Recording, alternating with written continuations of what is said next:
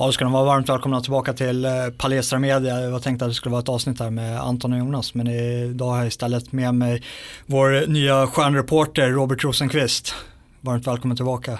Tack så mycket. Du var, du var ju med och gästade mig och Anton eh, häromveckan och vi fick ju lite kritik över att du fick lite för lite taltid. Så vi korrigerar genom att skära bort Anton från det här avsnittet. Så förhoppningsvis så kan vi kompensera upp det. Så ska jag försöka vara lite tyst, du får komma in och bryta av om du tycker jag är för långa utläggningar. Men innan jag släpper över ordet till, eh, till Robert, ja, kan jag kanske bara täcka, vi, vi kommer prata om ditt senaste reportage mm. som handlade om hur du ställde Centerpartiets eh, jämställdhet, nej hon var inte jämställdhetsombudsman utan hon var ansvarig för kvinnligt företagande.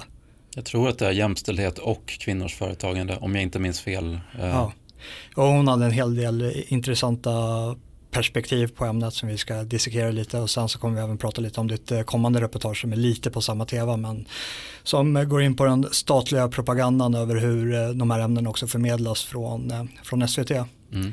Eh, väldigt intressant. Men eh, vi har fått eh, två böcker skickade till oss från, till redaktionen från Arne Weins. Eh, för er som inte känner till Arne Weins är en gammal företagare, en eh, räv från näringslivet som har börjat eh, engagera sig för Sveriges väl och han har skrivit två väldigt intressanta skönlitterära verk som handlar om det, det, är fel att säga att de handlar om ett framtidsscenario som är dystopiskt när vi i princip redan lever i ett eh, dystopiskt samhälle på något sätt. Speciellt om man sätter det i kontrast till vad Sverige en gång i tiden har varit eller hela västvärlden en gång i tiden har varit. Det är ju bara att kolla på gamla arkivfilmer och eh, man målar upp, eh, ja men från kanske ja, så långt som tillbaka som på 20-talet hela vägen fram till 70-talet och målar upp en bild för de människorna över hur Sverige ser ut idag 2020 så skulle det betraktas i en ganska stor utsträckning som en dystopi och eh, Arne Weins går vidare i den, den utvecklingen och eh, tar det till sin spets över vart eh, det här landet kan hamna. Och eh, det är ju ett inbördeskrigsliknande tillstånd.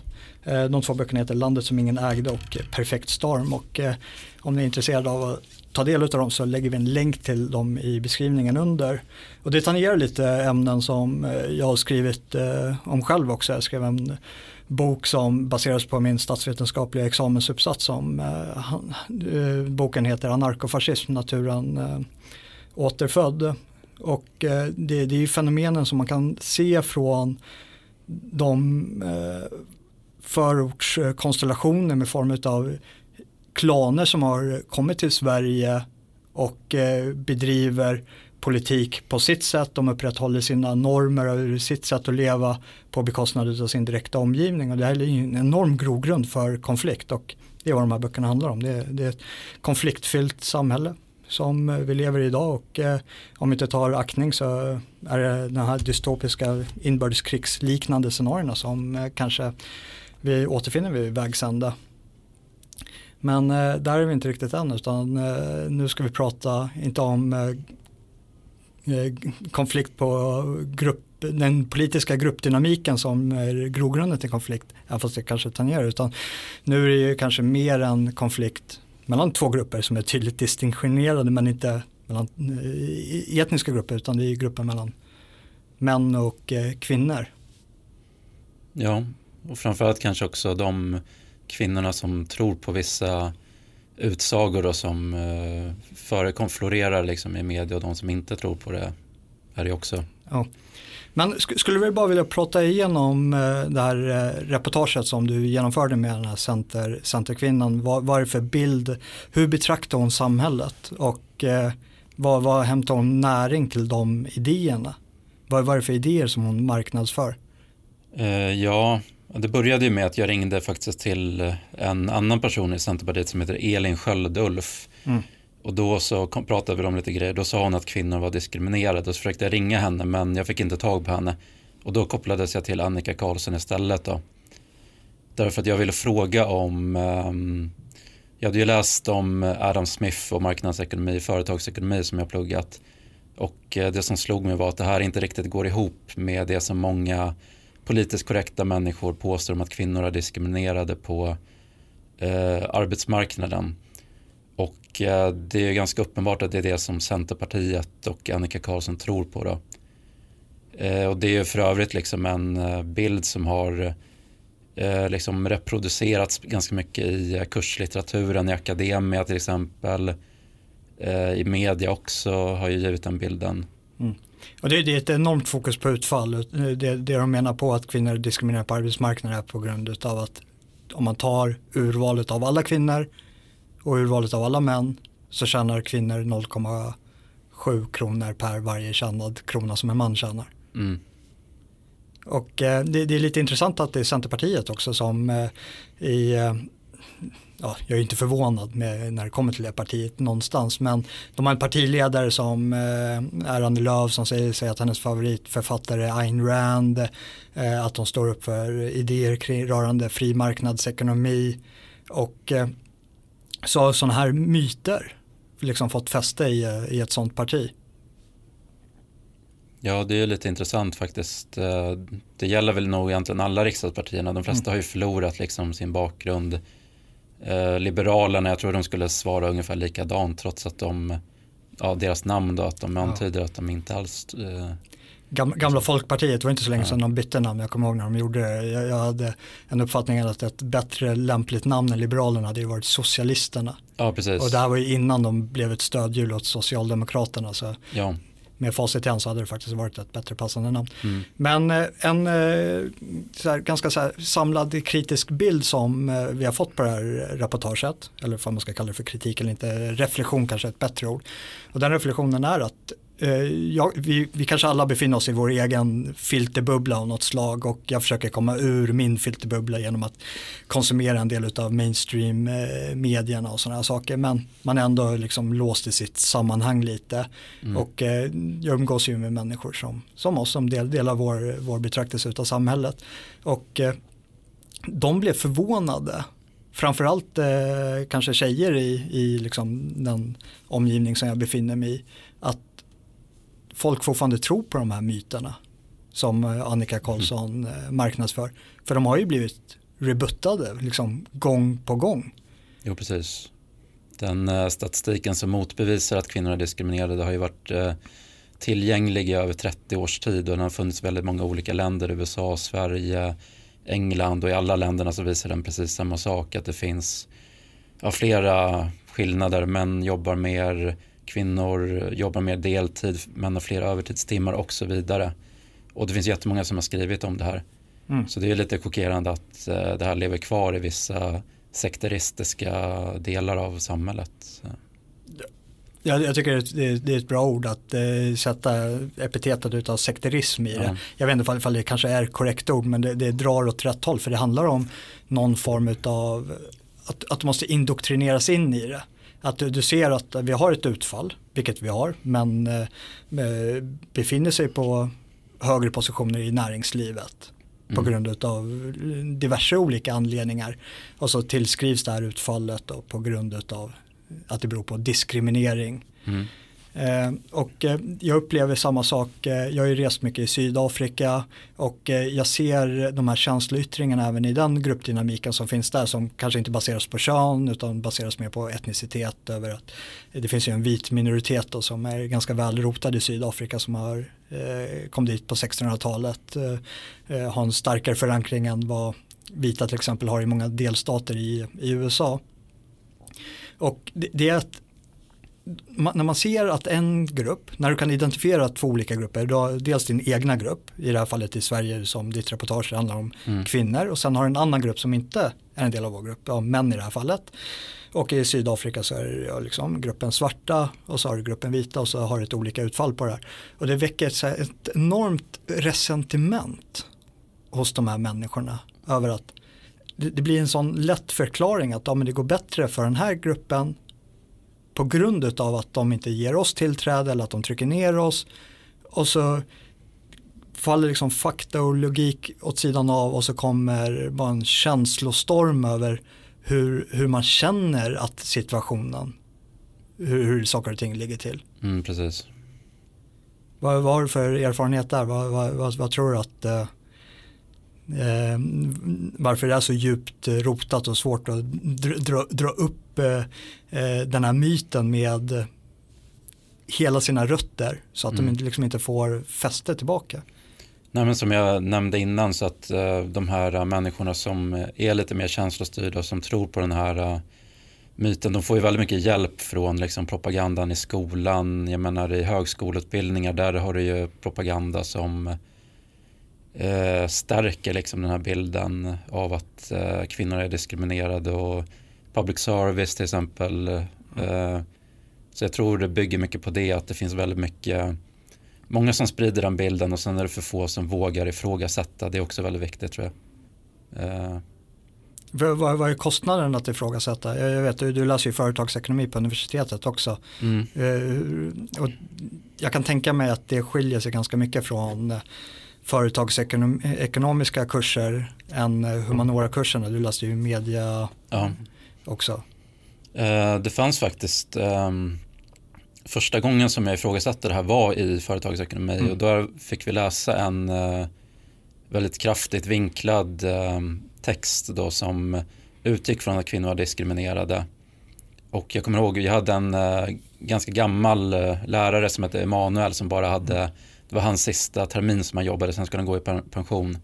Så att han kostade väl på sig att mellan raderna i alla fall ja. Eh, uttrycka sitt förakt mot det här och att han sa att förr i tiden så var det marknadsekonomi som gällde. Mm. Jag kommer ihåg att jag ställde lite sådana frågor och då såg jag att han verkligen sken upp och sa wow, tack för att du belyser det här. Mm.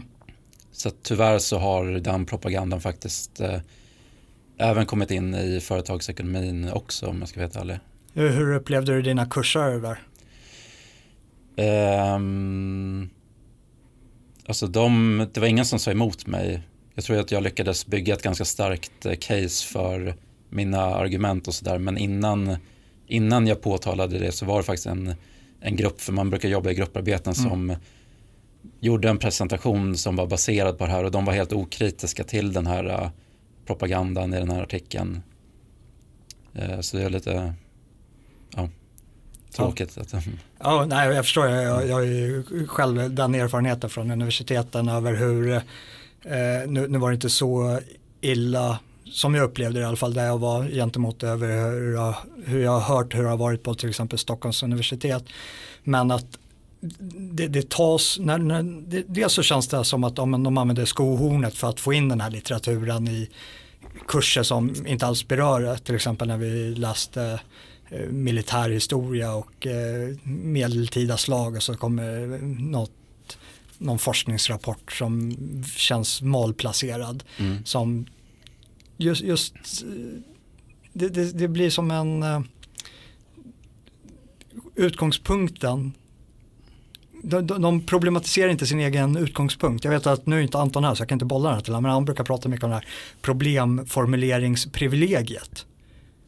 Så de sätter sin egen utgångspunkt och i själva frågesatsen så finns eh, problemet inbakat. Ja. Och det är så här, ja men köper du frågeställningen, då köper du också att problemet är där och då måste man ta det på allvar. Och det är där jag tror att många, många lurar sig eller får svårt att hantera sådana här konflikter. För att man köper deras utgångspunkt instinktivt. För, för de lägger fram den här frågeställningen och de försöker besvara den själv och så försöker man bemöta deras egna besvaringar på sin frågeställning när det egentligen är frågeställningen som borde ifrågasättas. Ja. Uh, en fråga som är vanlig där det är ju hur kan vi få in fler kvinnor på höga positioner men mm. uh, där ska ju frågan kanske egentligen vara om det ens är önskvärt att ha det alltså, och varför det ska vara så. De frågorna måste ställas innan man går vidare till de här uh, ja, de frågorna. Ja, det, det finns någon syntaxerror där, för de brukar, och det här, det här när jag varit i diskussioner på många seminarier, jag, jag, jag gillade verkligen universitetet, för, det, för det, är en, det är en påtvingad miljö där man, eh, är det någon som vill stångas på seminarierna, ja, då måste de sitta där och mm. stångas lite. Ja. Och eh, det här är ju människor som vanligtvis inte är vana att ta konflikter och är vana att dras medhårs och eh, så, så jag har haft en ganska underhållande fyra år som, som jag gick där. Och en sak som jag märkte var väldigt återkommande är hur de flyttar diskussionen från att okej, okay, ena sekunden så pratar vi om kollektivet och bemöter du de kollektiva ståndpunkterna, ja men då tar de ner det till individnivå. Mm. Mm. Och det är så, okej okay, men pratar vi om individer eller pratar vi om kollektiv? Och det är ungefär samma sak här, de, de eh, menar på att om det handlar om kvinnans fria egna val, ja, under förutsättning att du väljer att gå in i ett mansdominerat yrke. Men det gäller inte den här genuspedagogen som eh, har valt att försöka promota att kvinnor ska in i mansdominerade yrken istället för att själv göra det. Ja. Och eh, när det kommer till egna val, ja, det är ju många kvinnor som eh, väljer att vara hemma. Eller liksom har den önskan i alla fall. Ja. Och det är ju någonting som ses ner på för att det då skulle förstärka de här eh, patriarkala stereotyperna och eh, man återgår till det historiska förtrycket. Jag håller med om att alltså, om, om, om, man utgår från det strukturella mm. då måste man vara konsekvent med det. Man kan inte hoppa mellan det individuella och strukturella. Jag känner igen det också faktiskt. Oh. Det finns en uh, ganska känd intervju med Jordan Peterson där det är en kvinnlig journalist, jag tror att det är Kathy Newman kan det ha varit, mm. eller så var det en annan som gjorde precis det att hon började med att prata om att kvinnor är diskriminerade eller kvinnor tjänar mindre än män ja. och sen så när han besvarar det utifrån det strukturella då säger hon du kan inte generalisera så som Nej. du gör för alla kvinnor är inte så men ja så då byter hon från det strukturella till det individuella. Ja, det, det är extremt eh, intellektuellt eh, ohedligt och ja. det, det, är svårt att bemöta. Om man eh, inte är vaken på de här sakerna och kan liksom eh, se när det händer och börjar man se det mönstret, ja men då är det väldigt lätt att dissekera en sån människa. För då är det bara, mm. men okej, pratar vi om individer eller pratar vi om kollektiv? Och pratar vi om kollektiv, då kommer vi att behöva generalisera. Precis på samma sätt som du just nu generaliserade gruppen män mm. som förtryckare. Och eh, det, det, är ju där någonstans att det, finns ju någon förstärkningseffekt i, i eh, den långa eh, vandringen som den feministiska rörelsen har tagit. Och vi har ju spelat efter olika normativa regler rent evolutionärt för, på grund av resursbrist. Vilket har gjort att olika stammar har behövt prioritera könsroller olika hårt och desto mer resurser man har, men desto, då, då kan man eh, lätta på de strikta normer som en gång har rådit och sen så mynnade det ut i kampen för att även inkludera kvinnor i det allmänna rösträttssystemet som för övrigt kom i princip samtidigt som för, för oss män. Jag tror det skiljer kanske ett decennium bara från att eh, varje man fick rösta så fick kvinnorna rösta sen. Och dessförinnan så var det eh, ja, men, män i position i samhället. Mm. Och hela den feministiska kampen har ju krävt likt all annan frigörelsekamp att ja, men du slåss ju mot någon part som håller eh, ett regelsystem mot den, alltså ett strukturellt förtryck. Och strukturellt förtryck till skillnad från ett normativt förtryck är ju att det går ju faktiskt att gå in och kolla i regelsystemet, ja, men vad, vad säger reglerna? Ja. Och så eliminerar man reglerna och då kanske det kan existera något form av normativt förtryck över hur man väljer att bara uh, tolkningsföreträde på, på den direkta appliceringen av de här sakerna. Och sen så har ju reglerna städats till till den graden att Eh, kvinnor har samma rättigheter och skyldigheter även när det kommer till eh, värnpliktssystemet som kanske var den sista bastionen utav eh, strukturellt förtryck eller vad man ska kalla det. Jag håller inte med om den benämningen alls men det är väl vad det skulle vara eh, om det var kvinnor som var utsatta för att utföra värnplikten och ja, nu betraktades det som ja. en rättighet att mm -hmm. göra det istället. Eh, vilket det är ett ämne för sig självt men det, det, det, det faller, faller ju platt. Mm. Och, men då, då blir det som att du, du har kommit så långt i din frigörelsekamp att det går inte längre att frigöra sig. Och då måste man hitta på, eller hitta på, du, du måste skapa det här fortsatta förtrycket för att ha ett, ett eh, för att ha kvar ditt existensberättigande i den här frigörelsekampen.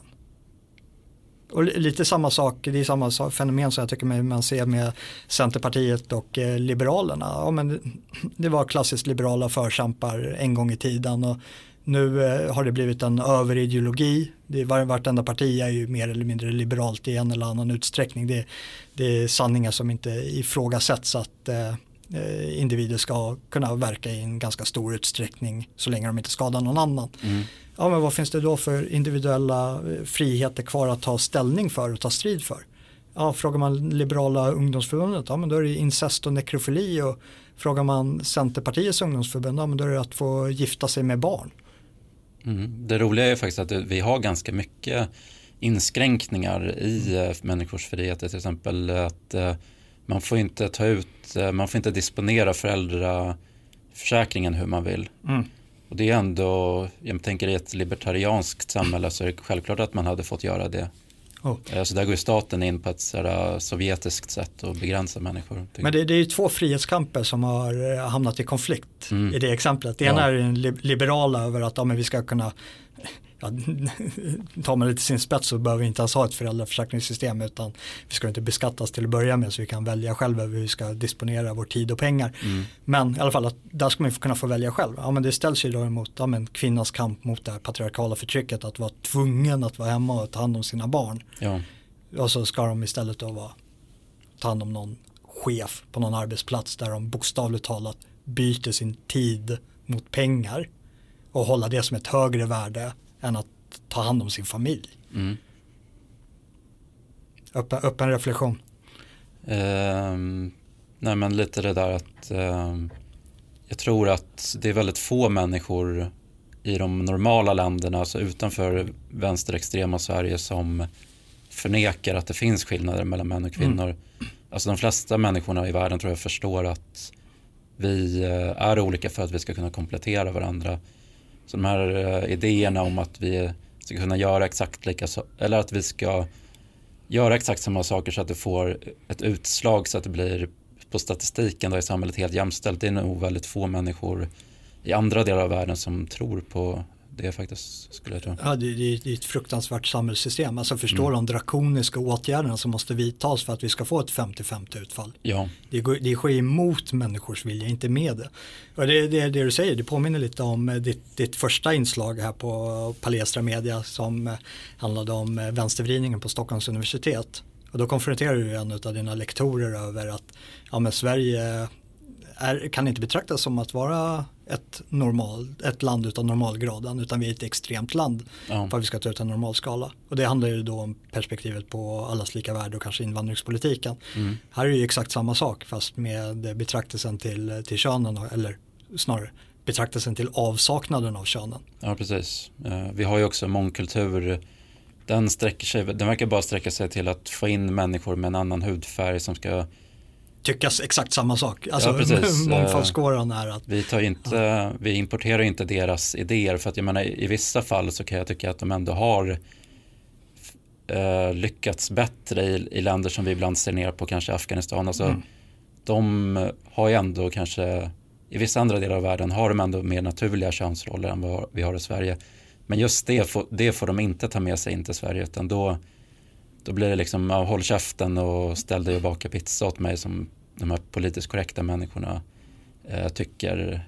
Eh, så mångfalden är väldigt begränsad egentligen. Ja, ja, definitivt. Och det ser man ju också. Det var ju eh, uttalad socialdemokratisk politik. Och socialdemokratin har ju haft ett sånt fäste på Sverige. Så vi, vi kan ju i modern tid prata om Sverige och eh, socialdemokratin som två synonymer. Ja. Och eh, i efterkrigstiden så var vår flyktingpolitik orienterad mot att vara solidarisk mot våra arbetarbröder i andra länder. Så eh, var medlem i arbetarpartiet i eh, Tjeckoslovakien, ja men varsågod, kom hit.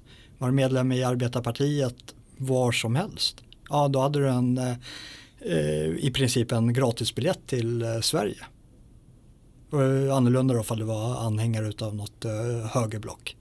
Och så, okay. så har det ju sett ut ja, men, i princip fortfarande än idag. Är, Ukraina röstar eh, mer traditionellt höger. Det finns en annan betraktelse till könsroller i Ukraina. Det är ett land som befinner sig eh, i ett krigsliknande tillstånd. Vi är inte speciellt välkomnade mot eh, ukrainare.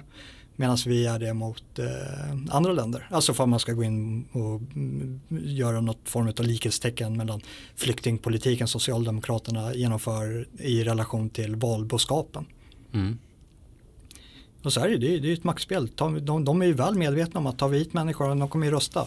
Ska vi ta hit människor som inte kommer rösta på oss? Jo, precis. Det är, det är högst tveksamt. Ja. Och det är därför vi såg att vi öppnade upp eh, armarna för Eh, socialisterna som eh, flydde från Pinochets Chile. Det var ju så, det var en eh, perfect fit, handen i handsken, rakt av. Och så förstärker vi den eh, socialdemokratiska hegemonin i, i Sverige. Mm. Och eh, ja, det blir väl lite, lite brygga kanske på, på fenomenet av statsideologi eller statsreligion och det är ju att eh, en förlängningen av att förstärka ett narrativ eller betraktelsen till eh, ett narrativ eller hur saker och ting uppfattas är ju via public service som är direkt eh, underordnat svensk eh, regering ja, i, i förlängningen då. Och då kommer vi in på ditt inslag och det, det, det, är ett inslag som fortfarande är i bearbetningsprocessen. Vi, vi, har allt råmaterial, det ska klippas och klistras, det ska skrivas lite voiceas och eh, sättas in i en, i en, bra kontext. Vill du prata, prata igenom lite vad, vad som händer? Ja, alltså jag, jag tittar ju i stort sett aldrig på public service för jag tycker Nej. att det håller så otroligt låg nivå. Eh, och den enda gången jag tittar det är om jag vet att jag har tid och möjlighet att ringa för jag vet att så fort jag ser något där så kommer jag ha väldigt mycket frågor att ställa. Mm. Och då kom jag över det här programmet som heter We Can't Do It som handlar om att eh, framförallt unga eh, kvinnor är ganska stressade idag. Eh, och det stämmer, det finns ja. statistik som visar det, att de bränner ut sig och sådär. Eh, och det visade det här programmet då, men jag eh, uppfattade det som att de hade en propagandistisk vinkling där de inte riktigt ville ta i kanske de riktiga anledningarna till varför kvinnor är stressade och de skapade massa ursäkter, liksom, till exempel att kvinnor jobbar väldigt mycket och att de presterar på en hög nivå. Eh, och det upplevde inte jag riktigt stämmer överens med hur det är i verkligheten. Mm. Um, så då ringde jag och ställde lite frågor om det till en av eh, medarbetarna, hon som var producent för det här programmet på det um, produktionsbolaget som hade gjort det. Mm. Jag har ju lyssnat på det här råmaterialet och eh, för att knyta an till lite så här eh, tidigare i det här samtalet bara, för jag tycker att hon eh, blir en eh, typ arketyp över vad vi, vi menade på när de här vetenskap, vetenskapliga inom citattecken då, artiklarna presenteras inom eh, kurslitteraturen mm. och eh, det, det, presenteras som en sanning bara i hur de väljer att eh, gjort problemformuleringen. Ja. Och de är inte vana med att bli ifrågasatta. Och eh, den här kvinnan du pratar med, hon, hon blir ju helt ställd. Hon har inte alls tänkt i de här banorna. Hon förstår inte alls eh, eh, hur någon kan komma med kritik om det här. Eller att det finns andra perspektiv att lyfta än det offernarrativet som eh, de väljer att porträttera i den här serien. Mm. Ja, jag kollade upp eh, så gott det gick och såg att eh, det var ju bara kvinnor som hade jobbat med det här. Hon mm. som var ansvarig för programmet på SVT heter Stina Skedvin. Eh, så det är nästan bara kvinnor och eh, det kanske skulle kunna vara bra att ha med någon man där som är rationellt tänkande och som kan tänka lite på de här sakerna som jag hade tänkt på så att det inte bara blir den här kollektivistiska feministiska mm, atmosfären i den gruppen som jobbar med inslaget tycker jag. Ja, men det, det är ju så här, ja, men vad, vad var syftet med det här inslaget i förlängningen? Ja, det, det, var, det, det är ju, för man ska se till utfallet över hur de har presenterat det, det är ju att ja stärka att ja, det här är fortfarande ett gediget problem. Det är större problem än vad det kanske var tidigare. Och det läggs så mycket tryck på, på oss och det måste då ja, men få politiska lösningar. Säkerligen. Menar du problemet med att kvinnor är stressade eller att de är diskriminerade? Både, både och, ja. hela, hela kompotten. Okay. Det, det, det, blir som en häxbrygd som, eh, som man vågar knappt gå nära för att lukta på hur det, hur det luktar, än mindre drickare. Mm. Det känns som bara en giftig kompott över betraktelse på livet. Att, eh, jag, jag är själv en dotter, eh, älskar henne mer än någonting annat. Jag vill ju att hon ska gå in med, med en glädje och bra energi in i livet.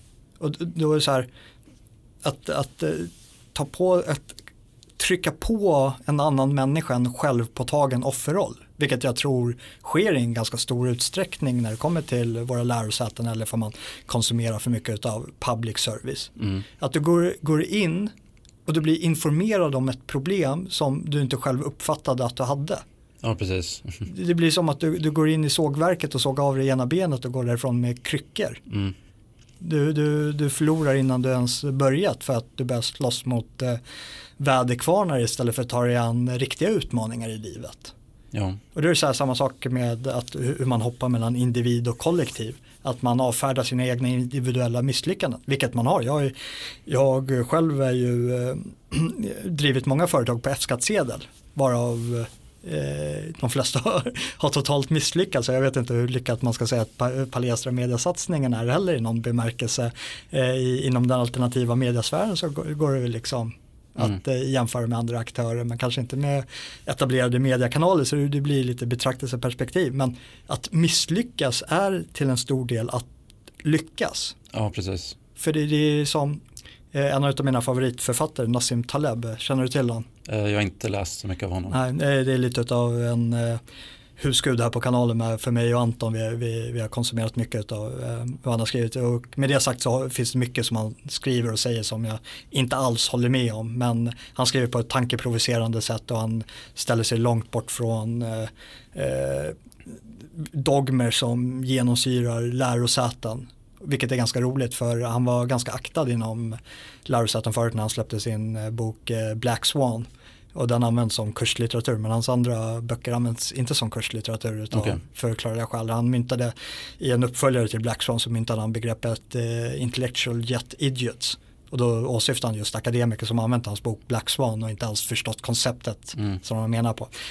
Men eh, det Taleb menar på att på samma sätt som vi hedrar krigshjältar. Ja. Att eh, vi, vi, har, vi har soldatkyrkogårdar, vi har minnesdagar upprättade efter våra fallna hjältar. Att utifrån det ekonomiska systemet, nu menar jag inte valutasystemet eller fiatvaluta eller någonting utan jag menar liksom floran över eh, kreatörer eller innovatörer eller människor som får saker och ting att hända. Så måste man också, för att kunna lyckas måste det också kunna tillåtas att misslyckas. Och man betrakt, bör betrakta de misslyckade entreprenörerna på samma sätt som vi bör betrakta de fallna soldaterna vid frontlinjen. För det har samma effekt på utfallet. Ja, de måste falla för att vi ska kunna vinna, ja. vinna slaget. Mm. Ja, de måste falla där ute också. Och då ska man hedra dem och liksom med, med respekt. Och jag gillar det perspektivet väldigt mycket. Och eh, hela det här eh, kollektiva skuldbeläggandet av att ja, det är deras fel som grupp som gör att våran grupp inte kan lyckas gör att när du väl misslyckas så kommer du inte kunna lära dig av de eh, misstagen, de anledningar till varför du misslyckades. På samma sätt som jag känner mig att, eh, ja nu tar jag ju själv det på en individnivå för mig då, men som jag känner de gånger jag har misslyckats. Jag har ju kunnat hämta en oerhörd eh, mängd kunskap därifrån när jag bollat med eh, människor som har varit mer sakkunniga som har vandrat den vägen jag har vandrat sedan tidigare som själva misslyckas och man lär av det och man inser att ja, men till stor del över varför det här inte gick som det gick. Ja, men det berodde på mina egna vägval över hur, hur, vilka beslut jag tog och eh, hur, hur, eh, hur jag förhöll mig till saker och ting. Och det beror väldigt, väldigt lite på andra människor. Mm. Och det gör att jag kommer stärkt ut från den situationen. Istället för att ja, men jag lyckades inte på grund av dem. Ja, vad finns det för lärdom att ta ut av det? Ingenting. Den enda lärdomen som går att ta ut av det är att ja, men jag kommer försöka att eh, tillintetgöra den här gruppen som gör att jag inte kan växa. Och vad som händer efter man har tillintetgjort den gruppen? Ja, du kommer inte växa. Nej, precis.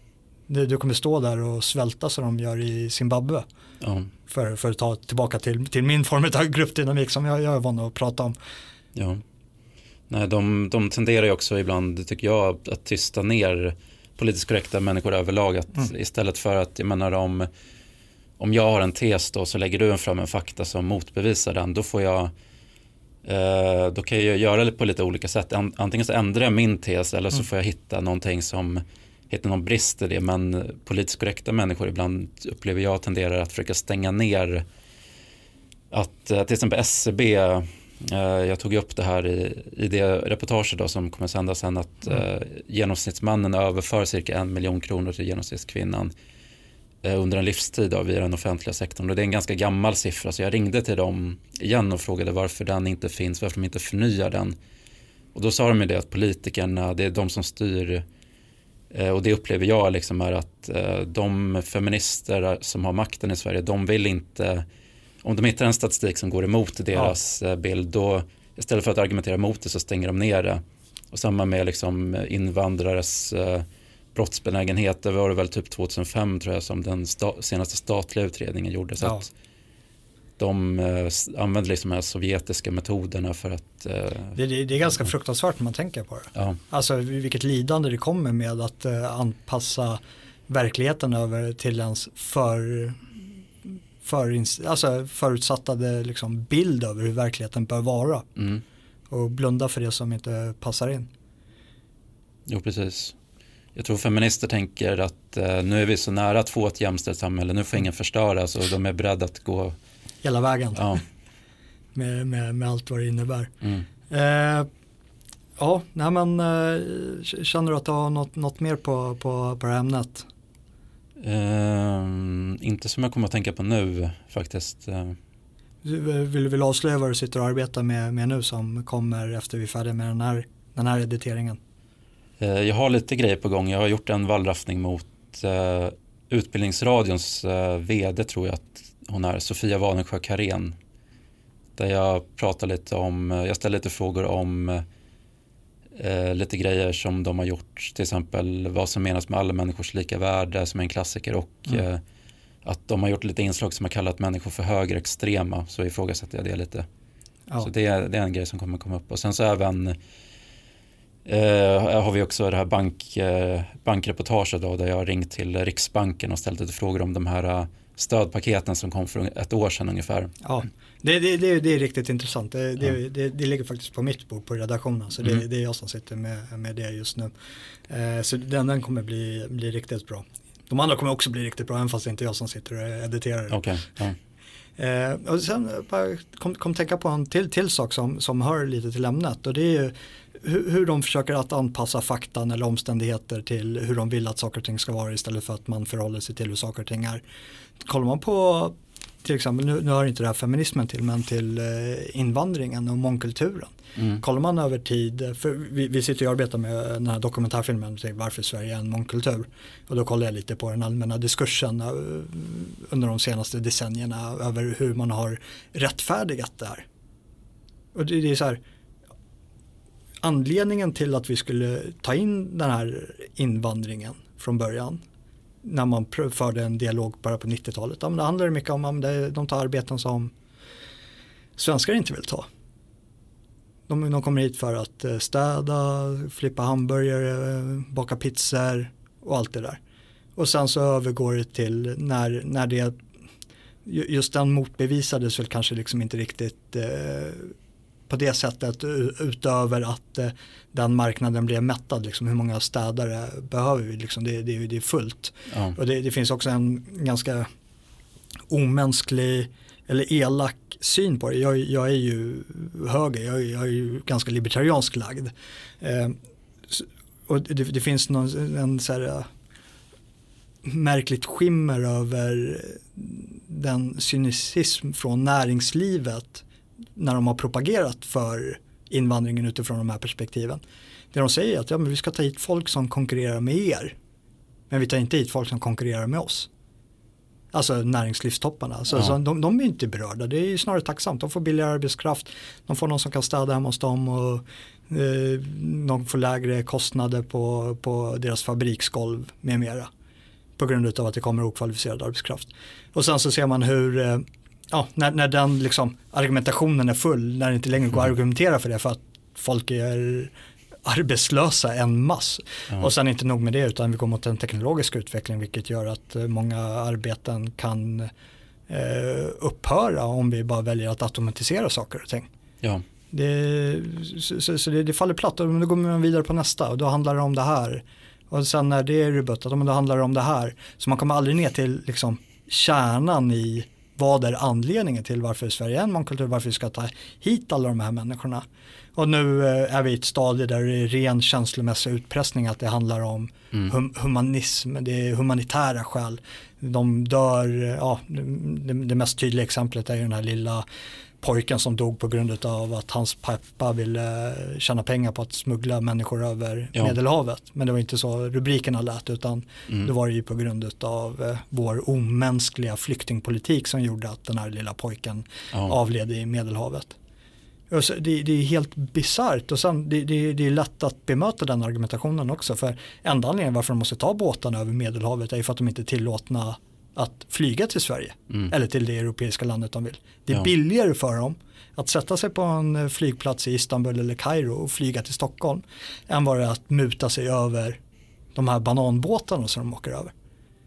Men det, det, det blir, skulle bli en sån uppenbar belastning på systemet så att det, det, skulle inte fungera så våra makthavare kan inte göra det på det sättet. Men det står ja. i deras fulla makt att göra det och jag är glad att de inte gör det för det skulle vara katastrofalt för vårt land.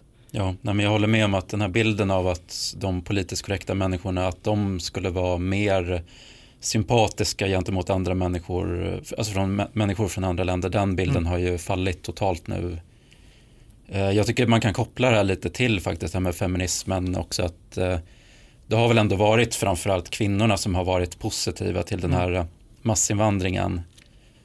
Och männen har väl varit lite mer kritiska och där, vi har ju haft en väldigt känslostyrd, irrationell oh. politik när det kommer till att hjälpa andra människor. För vi har lagt 300 miljarder kronor om året 250 eh, miljarder kronor på massinvandring och 50 miljarder i eh, bistånd. Mm.